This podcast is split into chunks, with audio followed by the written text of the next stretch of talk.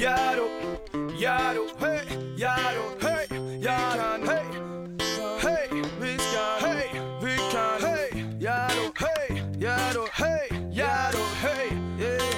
högt, lågt, överallt jag sa. Ja men välkomna till två fyllon och en sanning på era soffpotatisar. Tjena! Tja, tjena!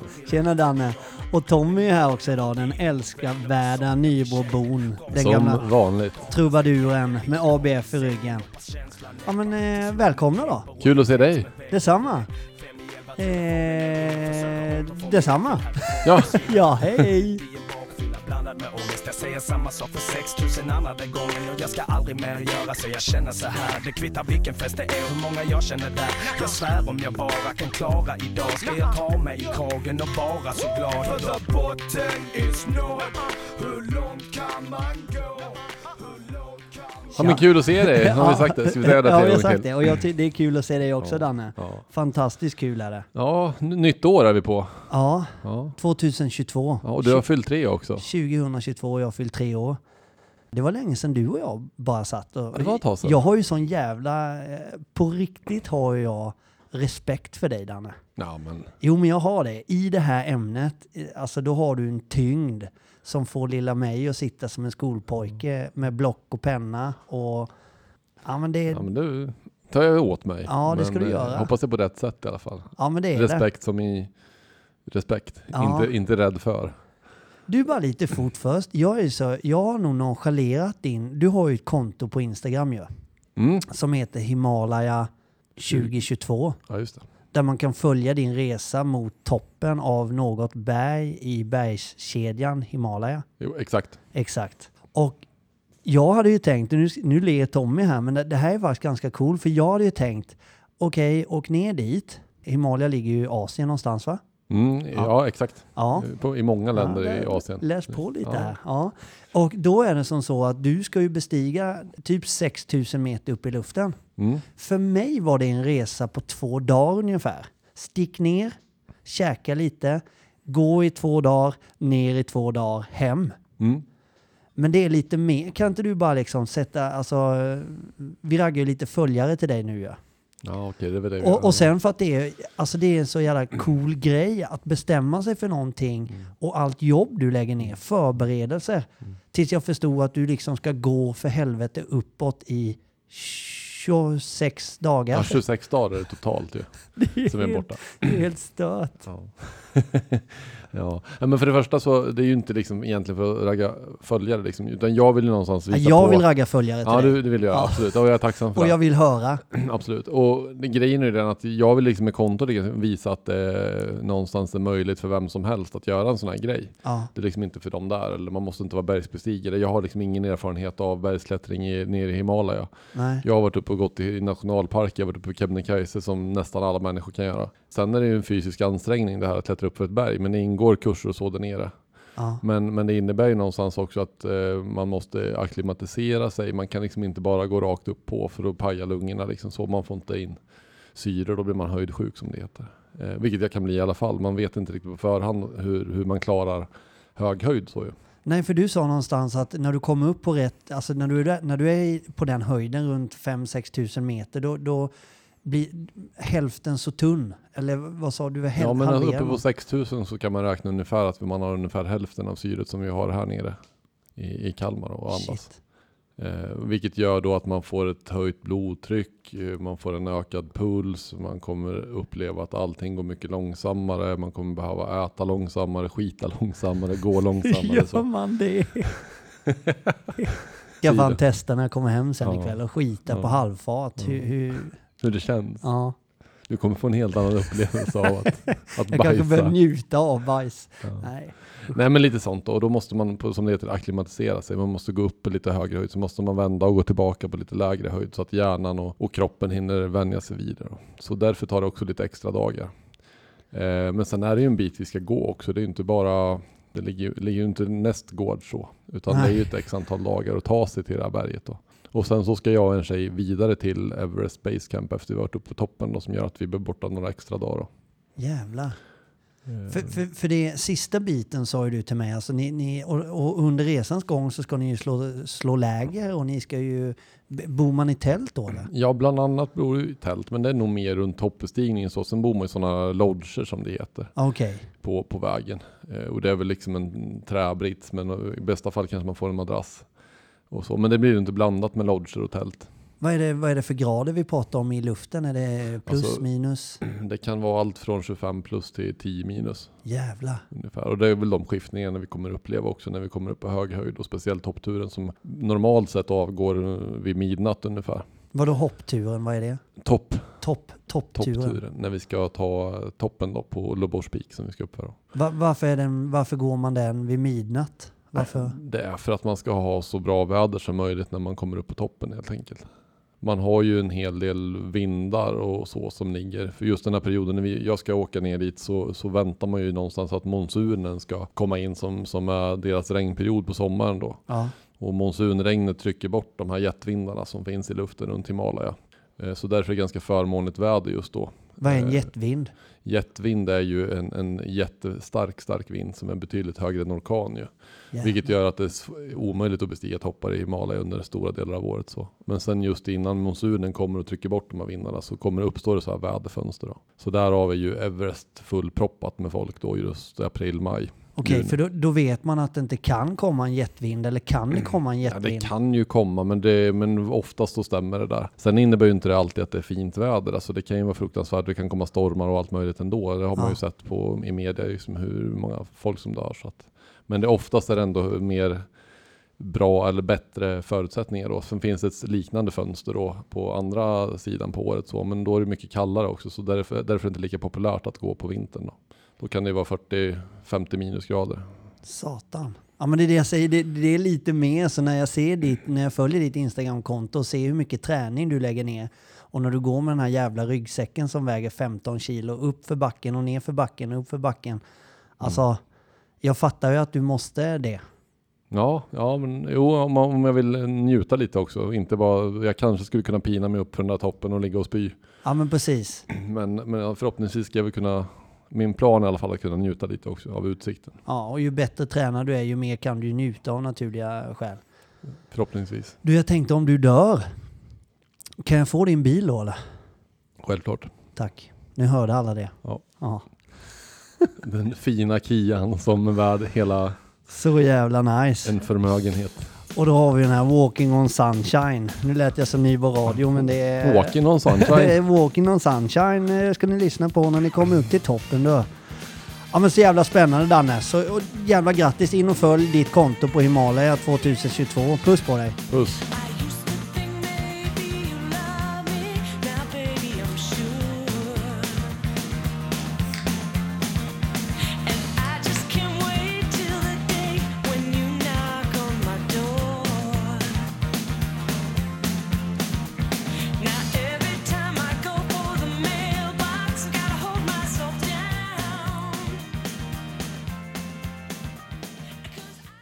Spännande alltså.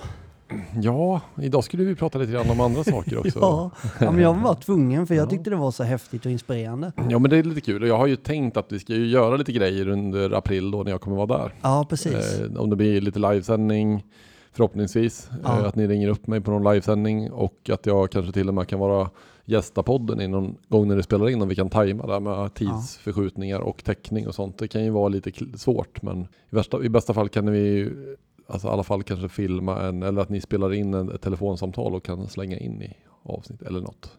Nej, men det, ja, och, och jag hade väl lite baktanke med ämnet också för att det är ju det, det vi, eller det du hade egentligen förslag på vi skulle snacka om idag var ju liksom att följa receptet och nycklarna till en framgångsrik nykterhet och sådär och varför vissa failar och vissa inte och varför lyckas vissa och medan vissa inte. Och det här möjliggör ju när jag är nykter på något sätt i mitt liv och även för er som inte dricker som lyssnar på oss, för det är ju många som gör det med, som inte har något missbruk alls.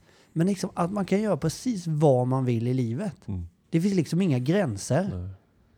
Det är så Nej. jävla häftigt. Nej men precis, så vi nämnde väl det lite grann i, om det var nyårsavsnittet där också just. Eh, att jag och Jeppe började prata om det här redan när vi nyktrade till. Så. Ja. Och ibland är ju alla drömmar bara drömmar och det är ju fint att det kan få vara det också. Men som du säger så går det ju att förverkliga vissa saker och nykterheten är ju inte liksom lösningen på att jag ska stiga upp dit, men det är förutsättningen. Exakt. Och det är ju liksom förutsättning för allt jag har i mitt liv idag. Ja, Skulle inte nykterheten finnas i botten så skulle jag inte ha något, ett piss. jag, jag skulle inte sitta här och förmodligen kanske inte skulle gå på jordklotet nej. utifrån den eh, rakethastigheten som min alkoholism hade från jag var 13-14 fram till 21. Då. Ja, Så det ska man väl skriva upp på den här tacksamhetslistan som du snackade om. ja. ja verkligen. Men, men, eh, ja, men det var, försöka prata lite grann om vad är det som gör att man, eh, det är ju lätt att säga liksom, så här med följ receptet och, och nå din jävla botten och sen så klättrar du upp och, och tar rygg på någon Exakt. som har gått. Ja, ja, men vad, vad innebär det då? Exakt. Eh, Det är lätt att prata om och sen är det ju som du, för jag vet att jag tänkte på en sak som du sa i ditt förra program som du gjorde fantastiskt bra själv här ju. Tack. Eh, varsågod. Puss på dig. Nej men just det här med att eh, du nämnde någonting i stil med att som i ditt företag så rekryterar du massa människor. Eh, och det är många som säger då på sina anställningsintervjuer att de är förändringsbenägna. Ja, Vilket du sågade lite grann längs fotknölarna och jag är beredd att hålla med dig. Jag tänker att vi människor i väldigt lite, liten om, omfattning är ett dugg intresserade av, av förändring. Och, det är väl en trygghet vi har. Vi vill gärna att det ska vara på ett visst sätt. Sen finns det väl vissa personlighetstyper som är mer förändringsbenägna. Alltså den här ADHD-typen som gärna vill att det ska vara äventyr och ska hända saker. ja. Men det är ju oftast också på förändring som jag själv får bestämma. exakt. Ska någon annan in och förändra åt en så nej, men då, då är inte ens ADHD-personerna speciellt förändringsbenägna. Nej, Utan jag tänker att vi vill ha det så förutsägbart som vi kan. Det skapar en känsla av trygghet. Och allt annat blir främmande för oss. exakt. Och, och där kan man ju då tänka när jag ska in och försöka, jag kanske har lagt ett nyårslöfte nu att jag ska bli nykter. Och nu börjar de anhöriga trycka på. Helgen har gått nu, du skulle Ja. ju ta tag i det här efter helgerna. Och, Ja, Jaha, nu ska jag ta det här steget då. För de tror ju inte på att jag fixar det själv längre, utan nu skulle jag ju faktiskt ringa någon. exakt. Eh, och kniven börjar tryckas mot strupen, jag börjar komma längre och längre in i det här hörnet. Ja, Eh, som vi känner igen allihopa som har gjort det här en gång. Och, och eh, då är det inte så jävla enkelt att helt plötsligt bara lägga över mitt liv i händerna på någonting helt nytt. För jag har ju ingen aning om vart jag ska. Eller vad som kommer hända. nej, nej. Eller hur, hur kändes det för dig? Du, du ringde ju Jeppe liksom. Nej men jag har funderat på det där. Och, och ofta har jag funderat på, jag är ju inte, för när jag blev nykter så insåg jag, och jag tror gemene, gemene man, eh, varför säger man man? Gemene hen hemma. Eh, När de sitter och tänker på så tänker de nog precis som jag. För det är ju den största käftsmällen jag har fått sedan jag blev nykter. Att jag är inte så unik som jag trodde. Och då brukar Jeppe rätta mig, jo du är visst unik. Mm. Men ni, du är inte så ensam kanske om att tänka vissa grejer. Det finns många som tänker och känner som du och har reflekterat över samma frågor. Mm. Men han säger du är visst unik för att du, du har blivit nykter.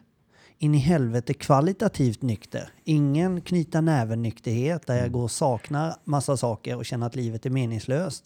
Det gör dig unik. För de flesta misslyckas. Tyvärr är det faktiskt så. De flesta som försöker bli nyktra genom hjälp eller göra en förändring som är beständig, oavsett om det är nykterhet eller det är börja träna eller alltså vad som helst, så misslyckas de flesta. De ger upp. Mm. Eller så rent av misslyckas de. Jag tror väldigt många ger upp. Ja. Man väljer den enkla vägen Mm. i allt. Mm. Det är skillnaden. Det gör mig unik. Att jag inte har gett upp. Mm. Och att jag, att jag har varit väldigt, väldigt förändringsbenägen Mm. i min resa att bli nykter. Jag har varit som en öppen bok Mm. för ett nytt tankesätt. Du sa ju en skitbra grej till mig innan, om det var idag Dan eller något sånt där. Du säger ju så jävla mycket bra grejer hela tiden. Och du sa bland annat att ja, men man köper en viss del av förändringen, men inte... Och så gav du något exempel på det ju, med någon som hade brutit benet. Ja, jo men det, vi kan, kan väl ta det exemplet så. Nu Ja. är det väl en, ett enkelt sätt att förklara till, så kan vi liksom grotta ner oss lite mer på djupet egentligen varför och så, Exakt. och så vidare. Men om, vi- om vi säger att jag har en benfraktur och går till ortopedläkaren på kirurgen Ja, som, som då gör, gör röntgar benen och, och diagnostiserar mig då att ja, men det har gått av rakt av på mitten. ja, Eh, och vi behöver göra si och så, säger han. Och, och så, då är det inte oftast i alla fall att de flesta, nej men jag har nog tänkt att jag skulle vilja ha fyra av de här skruvarna istället för tre. nej, Och om vi kunde byta ut till det här materialet så skulle det nog bli lite bättre. Och sen tänker jag att vi tar det istället för nästa vecka så tar vi dem två veckor. ja, Eh, och så vidare. Och så kommer man med massa jäkla motargument för hur man ska ha det. exakt. Eh, och, och det låter ju skitdumt när vi sitter och drar det här exemplet. För det är ju ingen jävel som gör så. Nej, Utan man lägger sitt liv i händerna på den läkaren och så tänker man att ja, men den här människan har ju full koll. Det är där som är deras jobb.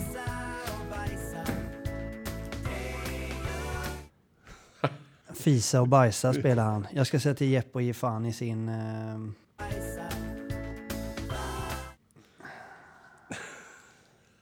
Eh, nej men det är ju ingen människa som gör så att man, man eh, istället för, ja man kommer tillbaka om nästa vecka så, ja men jag kommer om två veckor och så vidare och man ska ha det på sitt eget sätt. nej, Vad det gäller en sån sak, det är ju Nej. helt uh, urdumt. Men det är ju så vi alkisar, narkomaner och de som har den här typen av problematik hela tiden gör. ja, Att eh, vi lyssnar med ena örat på läkaren som säger att ja, men du behöver minska ner eller sluta med din konsumtion. Ja okej. Ja men det låter nog bra. Mm. Då föreslår jag att du gör så här och så här och så här. Och sen där tar man någonstans emot hälften. exakt. Ja men, men resten fixar jag nog på egen hand. Det ska nog gå bra. Jag ska nog dra ner på det här själv. Och Nej, men, och, och, och det är så jävla bra att du säger så Danne, för när jag tittar tillbaka på, okej nu är jag ett lyckat exempel, du är ett lyckat exempel, Jeppe är ett lyckat exempel och det finns många, många fler. Men när jag tittar tillbaka på min egen resa så kan jag ju bara se att jag gjorde exakt så som jag blev tillsagd. Jag följde allting, jag sög åt mig som en svamp av det som, det som var ert recept. Främst ditt och Jeppes ju, som var en stor del i, min, i början av min nykterhet och är fortfarande. För att jag tror, och generellt sett i livet, vilken förändring du än ska göra, så liksom vill du bli fotbollsproffs till exempel? Grabben är ju här och lyssnar idag. Lille Neo som är ett jättestort fan till våran podd. Och jag vet du och jag snackade mycket om det när, i, i behandling Danne. Mm. Hur du ska tänka och agera och sådär. Jag tror det är samma sak med även sådana förändringar.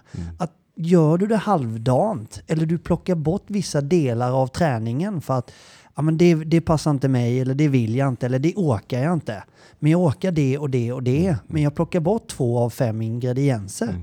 Då får du ju också ett resultat därefter. Absolut, absolut. Och många kan säkert också ta det här exemplet med man har då dragit sin skada någon gång i livet. Ja. En rygg eller ett knä eller en axel eller någonting. Och sen så går man till en läkare så får man en remiss till en sjukgymnast.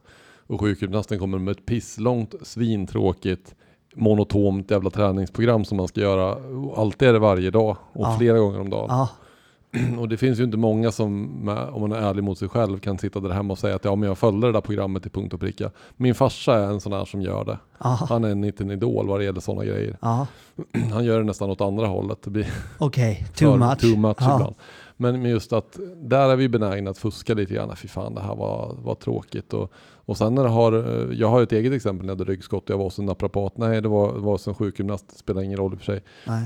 Och sen sa han, kom tillbaka nästa vecka så gör de här övningarna varje dag. Och då gjorde jag det för jag hade så jävla ont. Och Mm. då var ju motivationen hög för jag hade så ont. Ja, Sen kom jag tillbaka efter en vecka. Och då så sa han, men det är bra att det har hjälpt. Liksom, fortsätt nu med de här övningarna, fast du behöver inte göra dem varje dag. Men kör dem i alla fall tre, fyra gånger i veckan nu ja, framöver. ja, Jag gjorde inte dem en enda gång till. Och sen så fick jag ju ont igen efter tre månader. ja. Och ska jag ringa det igen? Nej, fan det kan jag inte göra. Då kommer ju skammen. Jag kommer ju säga vilken jävla idiot det. För, för det var ju så jag kände mig. Ja. Nej men och det där stöter jag ofta på. Jag, ma, man, jag ser igenom det där på något sätt med någon som, som kommer nynykter eller kommer och ska genomföra en förändring. Och, och jag tjatar om det. Det kan även vara andra saker, bara en förändring för att jag vill må bättre. Ett problem är ju att vi inte fullföljer. Mm. Vi kanske inte, vi, vi kanske i början är vi jäkligt taggade precis som du. Första veckan eller första två veckorna då kör jag som fan, då är jag taggad. Allt är nytt och spännande. Men när den perioden går över och det mer handlar om att göra ett jobb, då, då ger vi upp. Eller vi glömmer hur illa det var och vi, vi, vi börjar slarva och faller snart tillbaka till ruta ett igen. Varför är det så då? Alltså, Nej, alltså jag tänker att just vad det gäller att förändra en sån här stor sak som, som ändå drickandet för de flesta har in, alltså blivit. ja, Det har ju blivit en stor del av mig själv när jag har ådragit med de här typen av problemen. Så det har ju blivit en krycka som jag använder både, både när jag ska fira någonting, när det är någonting som har gått dåligt, när jag ska trösta mig och när jag ska bedöva mig och när jag ska sova. Alltså det finns ju, Ja. den, är, den är ju så stor del av ens liv exakt. på något sätt. Även om det inte är så att jag dagligdrickare så när jag väl använder det så använder jag ju på alla känslor i princip. Vilket gör att innebörden av att förändra en sån sak är ju ganska stor. Ja, Den innefattar ju en väldigt, väldigt stor del av mitt liv och som jag var inne på lite tidigare så är det ju också så det vad det gäller alkoholen eller att förändringen som jag nu ska göra, jag har ju liksom ingen, jag har ju ingen facit, jag vet ju inte vad den här kommer leda till. nej, Vilket blir kontrollförlust ju. exakt. Och det är ju någonting jag tänker vi skulle kunna fördjupa oss lite mer i just det här med kontrollförlust för att det är ju liksom det som uppstår i en förändring och i den här rädslan att inte veta vart saker och ting ska leda någonstans. Och där tror jag skrämmer de flesta. Eh, så Det gjorde det för mig också. Ja men alltså bara innan du pratar vidare där, för det där, det- du, helvete vad du sett en, en, en sån här gammal, en, alltså jag får flashbacks. Spola tillbaka tiden tre år i mig själv. Just kontrollförlust, det upplevde aldrig jag. Att, för jag är en kontrollmänniska också såklart. Eh, men jag upplevde inte det för att jag bestämde mig innan jag, jag gick in i den här resan att nu ska jag göra helt tvärtom. Som jag sen senare i resan fick höra, det är inte förrän du gör på ett helt annat sätt som du får ett helt annat resultat. Mm. Och då kom jag på, fan jag har gjort samma försök tusentals gånger, det har aldrig funkat. Den här gången gör jag något helt annat och det var en sån grej som jag bestämde mig för. Att jag ska inte diktera någonting nu. Nej. Jeppe ska få bestämma allt i, vad- som har med min nykterhet att göra. Jag lägger mig inte i det. det. Så att jag fick aldrig upp den att jag, att jag Nej. kände en kontrollförlust. För Nej. jag var så inställd på att den är redan borttagen för mig. Och jag tror också att det där kan bero på vart man, hur mycket man har slagit i sin botten så. För att jag hade ju några, innan jag gick in i behandling så hade jag ju sökt hjälp första gången. Eh, då var jag ju inte liksom lika, alltså jag var ju nere som fan då och ville få en förändring och ville sluta och jag slutade och, och sökte hjälp. Men då fick jag den här informationen, den här tredelade sjukdomen, jag kunde känna igen mig i allting. Ja, Och jag kunde för första gången fatta att jag var alkoholist liksom ja, utan att jag var dagligdrickare. Jag var bara 20 år och ny, nyss hemflyttad från Stockholm. Men eh, sen så kom de ju till det här återigen nu med receptet. Ja men då har vi ett par förslag som vi vill att du ska följa. Vi tror inte att du kommer klara det själv. För att ha ett beroende innebär att du har den här allergin som gör att du kommer förr eller senare dricka det första glaset igen. ja. Eh, om du inte tar emot hjälp. Och Mm. där kunde jag aldrig köpa. Ja men nu har ju ni, fatt, nu har ni förklarat för mig att jag har allergi. Och det har jag fattat så. Så att det är klart att jag inte ska röra spriten. Men efter tre månader så drack jag. Gjorde Eh. du? Oh ja. Det visste inte jag. Visst, Jo men det här har jag pratat om tror jag. Vilken jävla loser. Nej vad ska Nej men och sen satte jag igång mitt, mitt sista race då. Ja. Innan jag träffade tjejen och vi flyttade till, till Kalmar och allting då ju. Eh, då var vi framme 2002. Mm. Eh, och ja, det- det är ju, men det är ju precis det tror jag många som har ett beroende som ska förändra just det att man köper en halva sak men man köper inte fullt ut. Sen gjorde jag ju som du när jag väl var i Kalmar sen. Ja, Då, då var jag så här, nu gör vad ni vill. Liksom. Ja, liksom. Jag, jag, säg inte att jag ska springa ett varv runt jordklotet så kommer Ja. jag göra det. ja. Ni får betala på bra löparskor bara. Så jag gör jobbet. Ja. Ja. Nej men och det är där, där man måste någonstans landa i. Men, men, men, eh, och det krävs väl då att nyfikenhet, affekten om man pratar känslor, måste vara lite starkare än rädslan för att tappa kontrollen eller vad det Ja. ska leda till. Ja. Eh, och där tror jag är nyckeln så. Ja. Varför är vi så kontrollbenägna? Du, du jämförde ju, vi snackade lite det här med att flyga och köra bil liksom. Ja. Eh, alltså, vi är flygrädda som fan för att vi inte har kontroll. Mm. Vi åker hellre bil till Stockholm från Kalmar. Mm. För att då kan vi köra och bil är mycket farligare att åka till Stockholm än Mm. flyg. Det vet vi. Mm. Men ändå så är det... Alltså, Nej, men, och, och, nej men visst är det så. Och, och, Många kanske väljer att inte flyga, det är ju en del som gör det, men de flesta väljer ju ändå att utsätta sig för sin skräck då Ja, och lägga sitt liv i händerna på piloten. ja, Eh, för det är ju det man måste göra då. Och då kommer vi in på det här, vad krävs det då av mig för att jag ska faktiskt kunna lägga mitt liv i händerna på någonting helt annat som det innebär att bli nykter och drogfri. ja.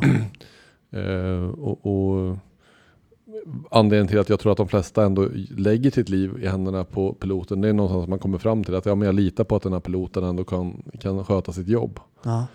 Eh, sen så tror jag ju också att jag vet ju också vad det gäller en sån sak vad jag kommer få ut av den här handlingen att li, lita på piloten. ja. Jag kommer mina tre veckor ner till Mexiko eller Bermuda eller Egypten eller Kanarieöarna, Himalaya dit jag ska. all inclusive, Ja men precis. Och, och då är det någonstans värt det. grisfest. Ja, ja men eller hur Ja, va? ja. Och det är någonting man längtar Exakt, efter. Att, exakt. Ja, men, och, och sen får jag väl ta fyra stänkare då om jag är rädd. Så, så löser spriten rädslan jag har för att sätta mig i flyget. Så då får, Ja. jag hjälp, hjäl- då får den hjälpa mig att släppa kontrollen. Eh, men vad det gäller att gå in i nykterhet så har jag ingen aning om vad det kommer leda till. Vem kommer jag bli utan att dricka? Alltså det är ju bara en, en, ett vitt blad där framme. Och där tror jag skrämmer många också. Vad fan ska det här leda till? Tänk om jag blir nykter? Ja. Världens bästa eh, Freddy, eh, om du känner honom, han bor i Kalmeby. Det är en ganska rolig och charmig kille. Mm. Väldigt intelligent och smart också. Han skulle åka till Polen förstår du. Mm. Och till Polen skulle han flyga med sin eh, oerhört vackra fru på en weekend. Problemet för Freddy var att det här var flösta, första flygresan utan sprit. Mm. Och då insåg jag att nu blev jag lite flygrädd här. Då började jag googla på hur man kör ett flygplan. Mm. För jag tänkte om någonting händer piloten så ska jag kunna köra ett flygplan. Tills jag kom på att vilken stor jävla idiot du är. Nu tar du dig själv på alldeles för stort allvar. Det där kommer liksom inte ske. Mm. Alltså, och det är nog inte så om de kommer ut och säger tyvärr piloten har fått en hjärtinfarkt här Mm. och andra piloten har eh, tagit Stesolid och somnat. Kan någon köra sista biten? Det tror jag inte att de, att de skulle gå ut och, och, och, och säga. Nej, jag, jag skulle, jag, det. skulle nog, jag skulle nog tveka ta innan jag åker på samma flyg Ja som men, du. ju, ja, men alltså, okej det kanske är bättre än att ingen kör men just på att ha kontroll liksom. Det är ju det är, ju- det är ju en störd tanke. Mm. Alltså, kom igen nu. Jag vet ju också hur man jobbar med människor som är flygrädda. Om man vill nu verkligen gå emot det så är det många som rekommenderar en att ha flygcertifikat. Ja okej, för att få... Ja, Ja, för att eh, någonstans gå emot den där rädslan. Precis, det är ju KBT, ja, kognitiv beteendeterapi, som man använder i många fobier. Så. För att eh, ja, man är rädd för spindlar. Så någonstans så handlar det om att jag ska exponera mig för spindlar och få en ny tankebana om att ja, men de var inte farliga för mig. Alltså kommer jag kunna hantera spindlar om jag behöver utsätta mig för det. Ah. Fan vad... Alltså den där grejen hade inte jag behövt för min flygrädsla. Alltså jag är inte flyga så jag inte flyger men jag är ändå orolig när jag ska flyga Ja. och jag vill inte vara det. Det som stör mig i min, i min oro är att jag inte kan koppla kraften i de här förhållandevis små motorerna Mm. till att lyfta så många eh, människor. Mm. Och väldigt många är ju tunga. Mm. Och så börjar jag liksom tänka på all packning, alla människor. Det är hundratals människor på den här lilla jävla koven som ska upp i luften med full kraft. Hur åker den? Mm. Och så säger de att ja, men den här kan köra på en motor. Jag skulle vilja veta hur stark är motorn så jag förstår Mm. hur stark den är. Och när du inte gjorde det, vilken andlig princip var det du använde då? Ja, det vet jag inte. Ja, det, det vågar jag inte svara på. Nej, men jag skulle tippa att det ändå är tilltro eller tillit. Ja, Någonstans så fick du välja på att ja, men den här piloten och det här flygbolaget kommer nog fixa resan ner till Ja, Polen. Ja men så är det ju. Ja, det är klart jag litar, men fan det, de har ju mätt det här. De, Mm. de vet ju att de här motorerna... Men jag skulle ändå bara vilja få ett grepp om hur starka är Ja. motorerna. Du är fortfarande kvar i den tekniska Ja men, ja men jag är det. Ja men håll med om den är ganska intressant. absolut, jag tycker absolut. fan det. Hur stark är en motor? Mm. Det är likadant hur ett, hur ett fartyg som väger eh, 700 miljarder ton kan, med, med container kan flyta. Ja men exakt. Och då räcker det med att någon säger ja men du kan typ placera hela New York stad på den här båten utan att den sjunker. Ja, Så jävla bra är den. Jaha okej, då är ju ett par container ingenting. nej. Typ så. nej men, men eh, Nu tänkte jag något helt annat. Ja, men superintressant. Vi glider ju över på en jävla massa sidospår Ja. som ändå är ganska kul tycker jag. Ja men vi fortsätter. Och det, är ändå, det handlar ju om girls just want to have fun. Exakt, det är det vi pratar om hela tiden. Exakt.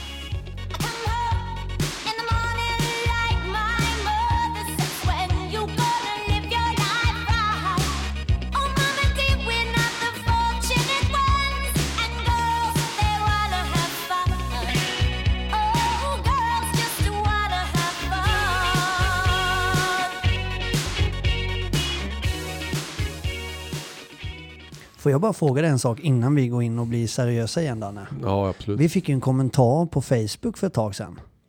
Jag vet inte om du läste den? Eh, Berätta. Nej, för jag sitter hemma och sen så, så får jag bara ett sms från eh, Jeppe om att någon har skrivit och kallat våran podd för kalanka podd Ja. Känner du till det eller? Nej, nej det gjorde jag inte. Det är alltså någon begåvad människa som höjer upp oss så högt och jämför oss med Kalle Anka. Ja, jag, jag tänkte också faktiskt så. Det är ju jävligt bra ju. Ja, för det var så jag tog det. Ja. Han menade inte att vi är ett par jävla eh, idioter, miffon som sitter och gör en meningslös kalanka podd som man kan slänga sig med. Alltså Kalle Anka är ju bland det star- starkaste varumärket i världen. Exakt, Man som har burit Disney liksom. exakt. Fan. Så jag blev hedrad och skrev tack. Bra svar. Exakt. Fan, är grym. Undrar hur irriterad han blev när han fick tack, när han var så arg. Ja. Förmodligen eldar du på lite. Ja, men det, det, är så, det kännetecknar ju, för jag, jag vet ju att det här är ju en människa som är sjuk i alkoholism. Mm. Som jag tycker väldigt synd om. Eh, som, som jag tycker väldigt synd om. För att personen i fråga har inte fått några redskap under livets gång. Och jag, jag blir lite så här, när jag tänker på det så blir jag lite bitter faktiskt. För tänk om den här personen hade fått samma hjälp som jag fick Mm. mycket tidigare i livet. Vilket fantastiskt liv han hade haft nu istället. Istället för att sitta i en grop 15 meter ner, längst ner i gropen och fortsätter kasta skit liksom. Jag tycker det, det kännetecknar liksom ingen självinsikt alls. Det är sjukdomen i sin renaste form. Mm. Nej men så är det ju. Det är lite tragiskt. Ja, verkligen, verkligen. Jo, det tror jag vi alla som har levt våra sista fulla dagar på något sätt kan känna igen oss i det här föraktet mot omvärlden och hur man liksom låg i rännstenen och skrattade åt människorna som gick där uppe och hade ett vanligt jobb och till vilka jävla idioter. Och. Ja, De fattar ingenting. nej, Fast det precis. var ju bara mitt eget självförakt som, som på något sätt fick, fick utrymme. Och det säger man ju också när, man, när självföraktet är tillräckligt stort så, så finns det bara kvar att förakta andra människor. ja. Då vänder man ut istället och det är väl tyvärr så det ser ut. Är det generellt så eller? Vet man det eller? Ja, men det, det är väl en, en sån psykologisk försvar som vi har. Att, att självhat någonstans till slut vänder sig utåt. Så när jag I, känner... bitter, I bitterhet Ja, och precis. förakt. Och, Så, så generellt sett, människor som vänder sig utåt på det sättet och mä- människor som är på ett sätt utåt att alla andra är idioter och du och du och du, du får ett förakt för mycket saker. Det grundar sig egentligen i att jag själv tycker att jag är så förlorad liksom. Jag är, jag är så missnöjd med min egen insats i livet. absolut, det skulle jag vilja säga. Jaha, vad intressant. Ja. Ja, jag säger det. Alla borde ha en vän som dig, Danne. ja. Det är faktiskt så. Nej men så är det. Vad heter det? Men jag tänker också, vi pratade om receptet var ju lite grann eh, temat för dagen. Och Ja. så och, och det är ju lätt också att det, det, man kan ju också låta som att vi alltid sitter på väldigt höga hästar och berättar att vi har ett recept. Följ det för fan så kommer det funka för dig också. Givetvis är det ju inte riktigt så enkelt heller. Nej. Det finns ju klart olika sätt att göra saker på också och varje person får ju någonstans ett eget recept. Ja, Men jag tänker det vi menar med recept det är ju någonstans det vi vill framföra i det här avsnittet är att ja, men, lyssna på den experten som du träffar. Som du berättar ditt liv för och försöka vara så ärlig du bara kan om hur det har sett ut. ja, Förmodligen kommer du få e- ett professionellt bemötande i det vart du nu än är. Om det är i en A-grupp eller om det är en bästa polare eller om det är hos en alkohol och drogterapeut. Så kommer den förmodligen komma fram till någon form av, av, behandling. ja, Och, och det är ju där vi försöker förmedla i det här avsnittet. Ja, men där är det bra att försöka med ett öppet sinnelag eh, ge dig hän då, med Ja. helt, helt utan förbehåll. exakt. Sen har ju alla människor olika förutsättningar. Och, men det bedömer man ju, jag som jobbar med det här, man, man lägger, det finns ju ingen genomförandeplan som ser ut exakt likadan som den andra. Nej, Utan den är ju alltid personligt anpassad så. Exakt. Men, men de som lyckas, det kan jag ju säga, är ju de som ändå följer sin plan. Ja. Och kommer på sina tider och liksom gör det här fotarbetet. Även när det tar emot liksom. När det, för det gör ju det. Ja, ja det klart Alla dagar är ju inte jättekul första halvåret eller året. Nej, Eller efter tre år heller. nej. Livet kommer ju ifatt. Alltså vi, det är ju Absolut. någonstans att vi ska lära oss hantera livet och alla känslor. Ja. Och det viktigaste för mig och det tipset som jag skulle ge till någon som vill göra en förändring överhuvudtaget är att ge aldrig upp. Det fanns en vis man som sa de flesta ger upp innan de har fått sin succé. Mm. Det betyder att du ger upp precis innan du ska slå igenom med ditt Mm. band. Mm. Eller med din podd. Mm. Eller med det du har ta- tagit för dig. Du ger upp för tidigt. Mm. Och att inte sätta en egen agenda på din plan. Mm. Och Jeppe sa också till mig, som man kunde metaforiskt kunde han säga i början, det finns ett recept liksom. Mm. Ja, ja men det, det, det har jag hört på åtskilliga möten liksom. Mm. Men han förklarade på ett jävligt bra sätt det här med att baka kanelbullar liksom. Mm. Ja, men jag har världens bästa recept. Som min farmor gör, Mm. sa han. Jag vet inte om det var farmor, men skitsamma. Någon bakade kanelbullar. Och då får du ett recept på ett papper. Mm. Och står det 2 deciliter socker så ska det inte vara 2,2 deciliter socker. Det ska inte vara 1 deciliter socker för att du tänker ja men så mycket socker behöver vi inte för det är ohälsosamt. Så jag slår i. För då blir inte bullarna lika goda som farmors bullar. Nej. Du måste följa receptet. Plocka inte bort och lägg inte till något. Mm. För jag känner igen det du säger när jag träffar personer som söker hjälp. Som kontaktar mig och säger hej, vi liksom, jag vill träffa dig. Mm. Ja men det kan vi göra och så åker jag dit och snackar och så går de med och jag, jag märker att det skiner igenom hos dem att de köper nästan allt. Mm. Men inte det eller det. Och då blir jag skeptisk som fan direkt. Nej men verkligen. Och det är ju, det är ju det, men återigen ska man vara ödmjuk och, och ha respekt för. Just det här att rädslan för förändring är ju stark. Ja, Och just när jag inte vet vad, vad som kommer, förändring kommer leda till, liksom, och hur kommer mitt liv bli. Eh, men, men återigen, liksom att om jag nu ändå vill åstadkomma den här förändringen så, så finns det ju vissa förutsättningar som jag tror är eh, livsviktiga. Och jag brukar återkomma till de här eh, tre viktiga andliga principerna. Det finns ju många andliga principer, men det här med villighet, ärlighet och öppenhet. Och vi har nämnt dem alla här idag. Alltså att jag är tillräckligt villig. Är jag tillräckligt villig att göra jobbet som krävs? Kan jag svara ja på den frågan? Har jag modet att vara så pass ärlig som jag kommer behöva vara och berätta precis hur mitt drickande har sett ut. Eller spelande, eller drogande, eller ätande eller vad det nu man vill ha hjälp med. Och sen den tredje som jag sa, det vi har pratat om nu är öppenheten.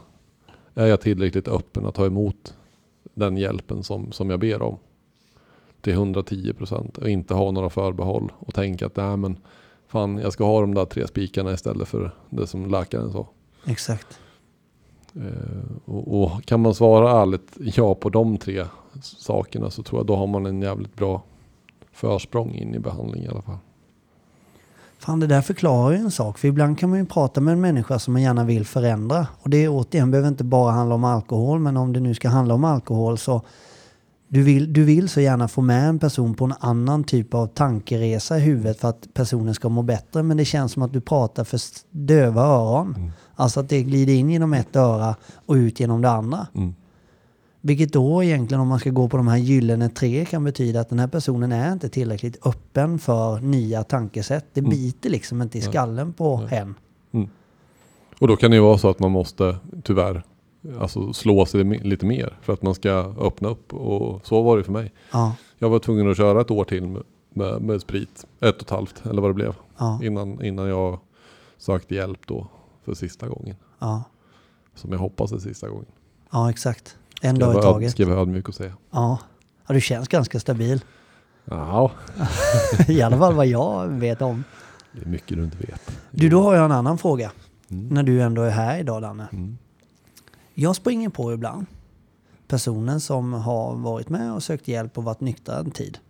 Sen helt plötsligt så lyckas personerna som är dokumenterat fyllon. Det här är en alkis. Oavsett vad den säger eller inte så den fyller kriterierna big time. Men helt plötsligt så har den här personen lärt sig dricka normalt. Nu mer kan jag ta två öl, sen är det nog. Mm. eh, kan jag höra och har hört många gånger. Och det är en sån här grej som maler i mig. Hur ser det ut egentligen? För i min direkta så här aggressiva nyktra hjärna så tänker jag, fan vad du snackar skit nu. Så där är det inte alls. Och även om du säger till mig att du kan dricka två öl och sen är det nog, så sitter du och mår jävligt dåligt resten av hela den kvällen. När du vet att du inte kan eller får ta en öl till, för det är det enda du vill. Eller kan det faktiskt vara så att vissa bemästrar det? Jag, för jag har fått lära mig första texten i stora boken är ju den drömmen, den illusionen, den tanken måste förgöras att en gång kunna dricka normalt. Glöm det. Nej men alltså visst är det så. Sen så ska man ju också vara väldigt noga med då när man utreder det här om man är beroende eller om man har en hög konsumtion. Så. Det kan ju vara så att en person under en period i sitt liv man kanske går igenom en skilsmässa, en stor förändring på något sätt, mår dåligt och börjar dricka alldeles för mycket. Och under den lilla perioden så kan man någonstans diagnostiseras som ett beroende. Det kan se ut som att den här personen har jättestora problem. Men, men att eh, då kanske det kan räcka med enkel rådgivning och, och att den här personen sen får jobba med de här bakomliggande problemen med traumat kanske var och sen återgå till ett normalt drickande. Ja. Men då har man ju inte liksom fått beroendediagnosen. För har du väl fått beroendediagnosen, alltså att du har ett alkohol eller drogberoende, då, då är det precis som det står i stora boken. Då, då kan du inte om, under några omständigheter dricka. Jag tror ju att många kan göra det för att jag kunde göra det under en viss period för att bevisa för omgivningen att jag inte hade problem. Nej. På rena jävla vita knogar med den enda tanken av att när kan jag få släppa på ordentligt igen. Exakt, exakt. Och, och där kunde jag göra under en period för att lugna omgivningen. Se nu, jag, jag har kontroll. Ja.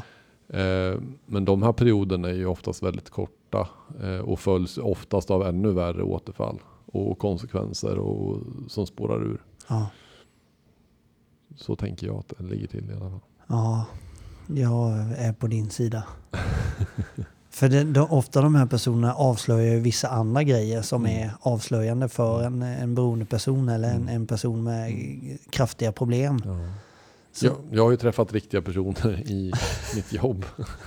Har du det? Ja, som, som har testat. Eh, många, många, många har jag ju träffat som har testat där. Och, ja, men jag drack två öl och ja, men hur gick det?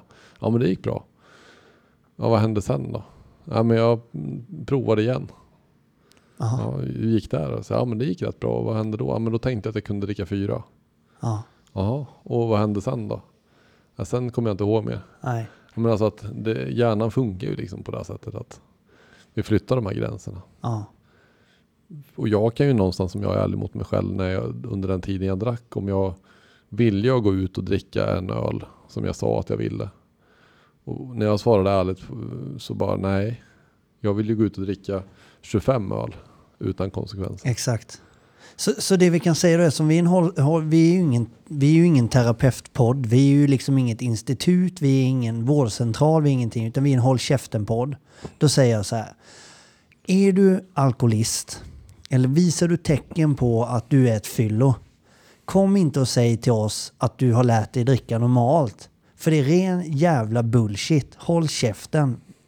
Du lurar dig själv, du lurar alla andra, men du lurar inte oss. Däremot om du under en period har druckit för mycket så är det inte säkert att du liksom är en, en, ett fullblodsfyllo utan du kanske, och då, då att du liksom kan med tiden, ja men fan nu är jag tillbaka, nu mår jag bra igen, nu kan jag dricka som jag gjorde tidigare innan jag, in den här perioden då. Då är det ok- okej, men har du, har du uppfyllt kriterierna under väldigt lång tid som ett fyllo, glöm att du dricker normalt. Absolut, Fan vad gött. det skriver vi under För på. det är många som tror det ju. Och det, det, det stämmer inte. Nej. Du kommer inte det. Och, Nej. det. och jag vill inte heller börja tvivla på det hos mig. Så det hjälper även mig att liksom, nej glöm det Freddy. Sen går det ju aldrig att bemöta någon på ett sånt sätt. Alltså, alltså att, eh, eller det kan man väl göra. Fan också. Men, men alltså, ehm, man får väl liksom i sånt fall, ja men då kan du inte göra någonting för dig, men lycka till. Du får väl utreda dig själv och se om det funkar. Ja, Är, är ju mitt tips. Ja, men det, och det står ju också i stora boken. Om någon är osäker på, har du den här sjukdomen eller inte? mm, Ja, men prova att gå ut och drick två öl. mm, Och gör det gång efter gång efter gång. ja, Funkar det så funkar det ju. mm. Annars kommer du tillbaka. ja men absolut. Däremot har jag jävligt svårt personligen att bemöta en sån här person som säger så här till mig, som jag vet är alkoholist. Mm. med att åh vad kul, bra jobbat eller åh vad skönt eller jamsa med liksom. Mm. Jag trycker till dem hårt, riktigt hårt. Hur var du själv då? När, när, när, jag antar att det var folk som sa det till dig Ja, du, men- innan du hade bestämt att du skulle sluta. Nej men och det grundar sig att jag vill inte falla in i något medberoende Nej, nej, där men personen tror att den ska lura mig. Nej. Jiddra inte med mig, jag vet vad det Men handlar om. försökte liksom. du övertyga folk att du ändå kunde dricka? Nej, för att den slog hål ganska tidigt. Jag har ju alltid trott på det. Som jag var öppensinnad Mm. och jag bestämde mig för att inte ha några egna tankar. Så det som står här, om det har hjälpt miljontals människor Mm. över hela världen, så litar jag på det. Jag, jag försöker liksom inte... Jag försöker inte ens vända det i huvudet mot och analysera det, utan står det så är det så. Mm. Så att jag har aldrig tänkt på det. Jag är övertygad om att jag aldrig någonsin kommer kunna dricka normalt. Nej, nej, men jag menade hur du mötte det för fyra år sedan. När du var, när någon frågade mig? Nej, men när du var aktiv i ditt drickande. Och någon tyckte att fan, ska du verkligen dricka eller dricker du inte lite för mycket? Ja, Men du, aggressiv. Ja, Attack. ja men precis. Ja. Jag tänker att det är ju så personerna som du i sånt fall du träffar och pratar som, som argumenterar på sättet. De är ju i det stadiet Ja, där du var i för fyra år sedan. Ja. När man skyddade fortfarande. exakt. Och, och då blir det liksom ingen, då blir det ingen diskussion eller ett samtal. Då blir det ju bara en katt och råtta-lek. Exakt. Ja, Danne har talat. Sanningen. Freddy har talat. Ja. Ja, ja, men jag, är vi inte vi är ganska klara va, eller? ja men det, det är vi väl. Jag tror det. Ja. Och, och landar vi inte i någonting att, att det hela handlar om att be om hjälp, eller? Och det andra att ta emot hjälpen för bövelen. Exakt. Fan vad jag tycker om dig, Danne. Detsamma Freddy. Puss på dig. Puss puss. Help!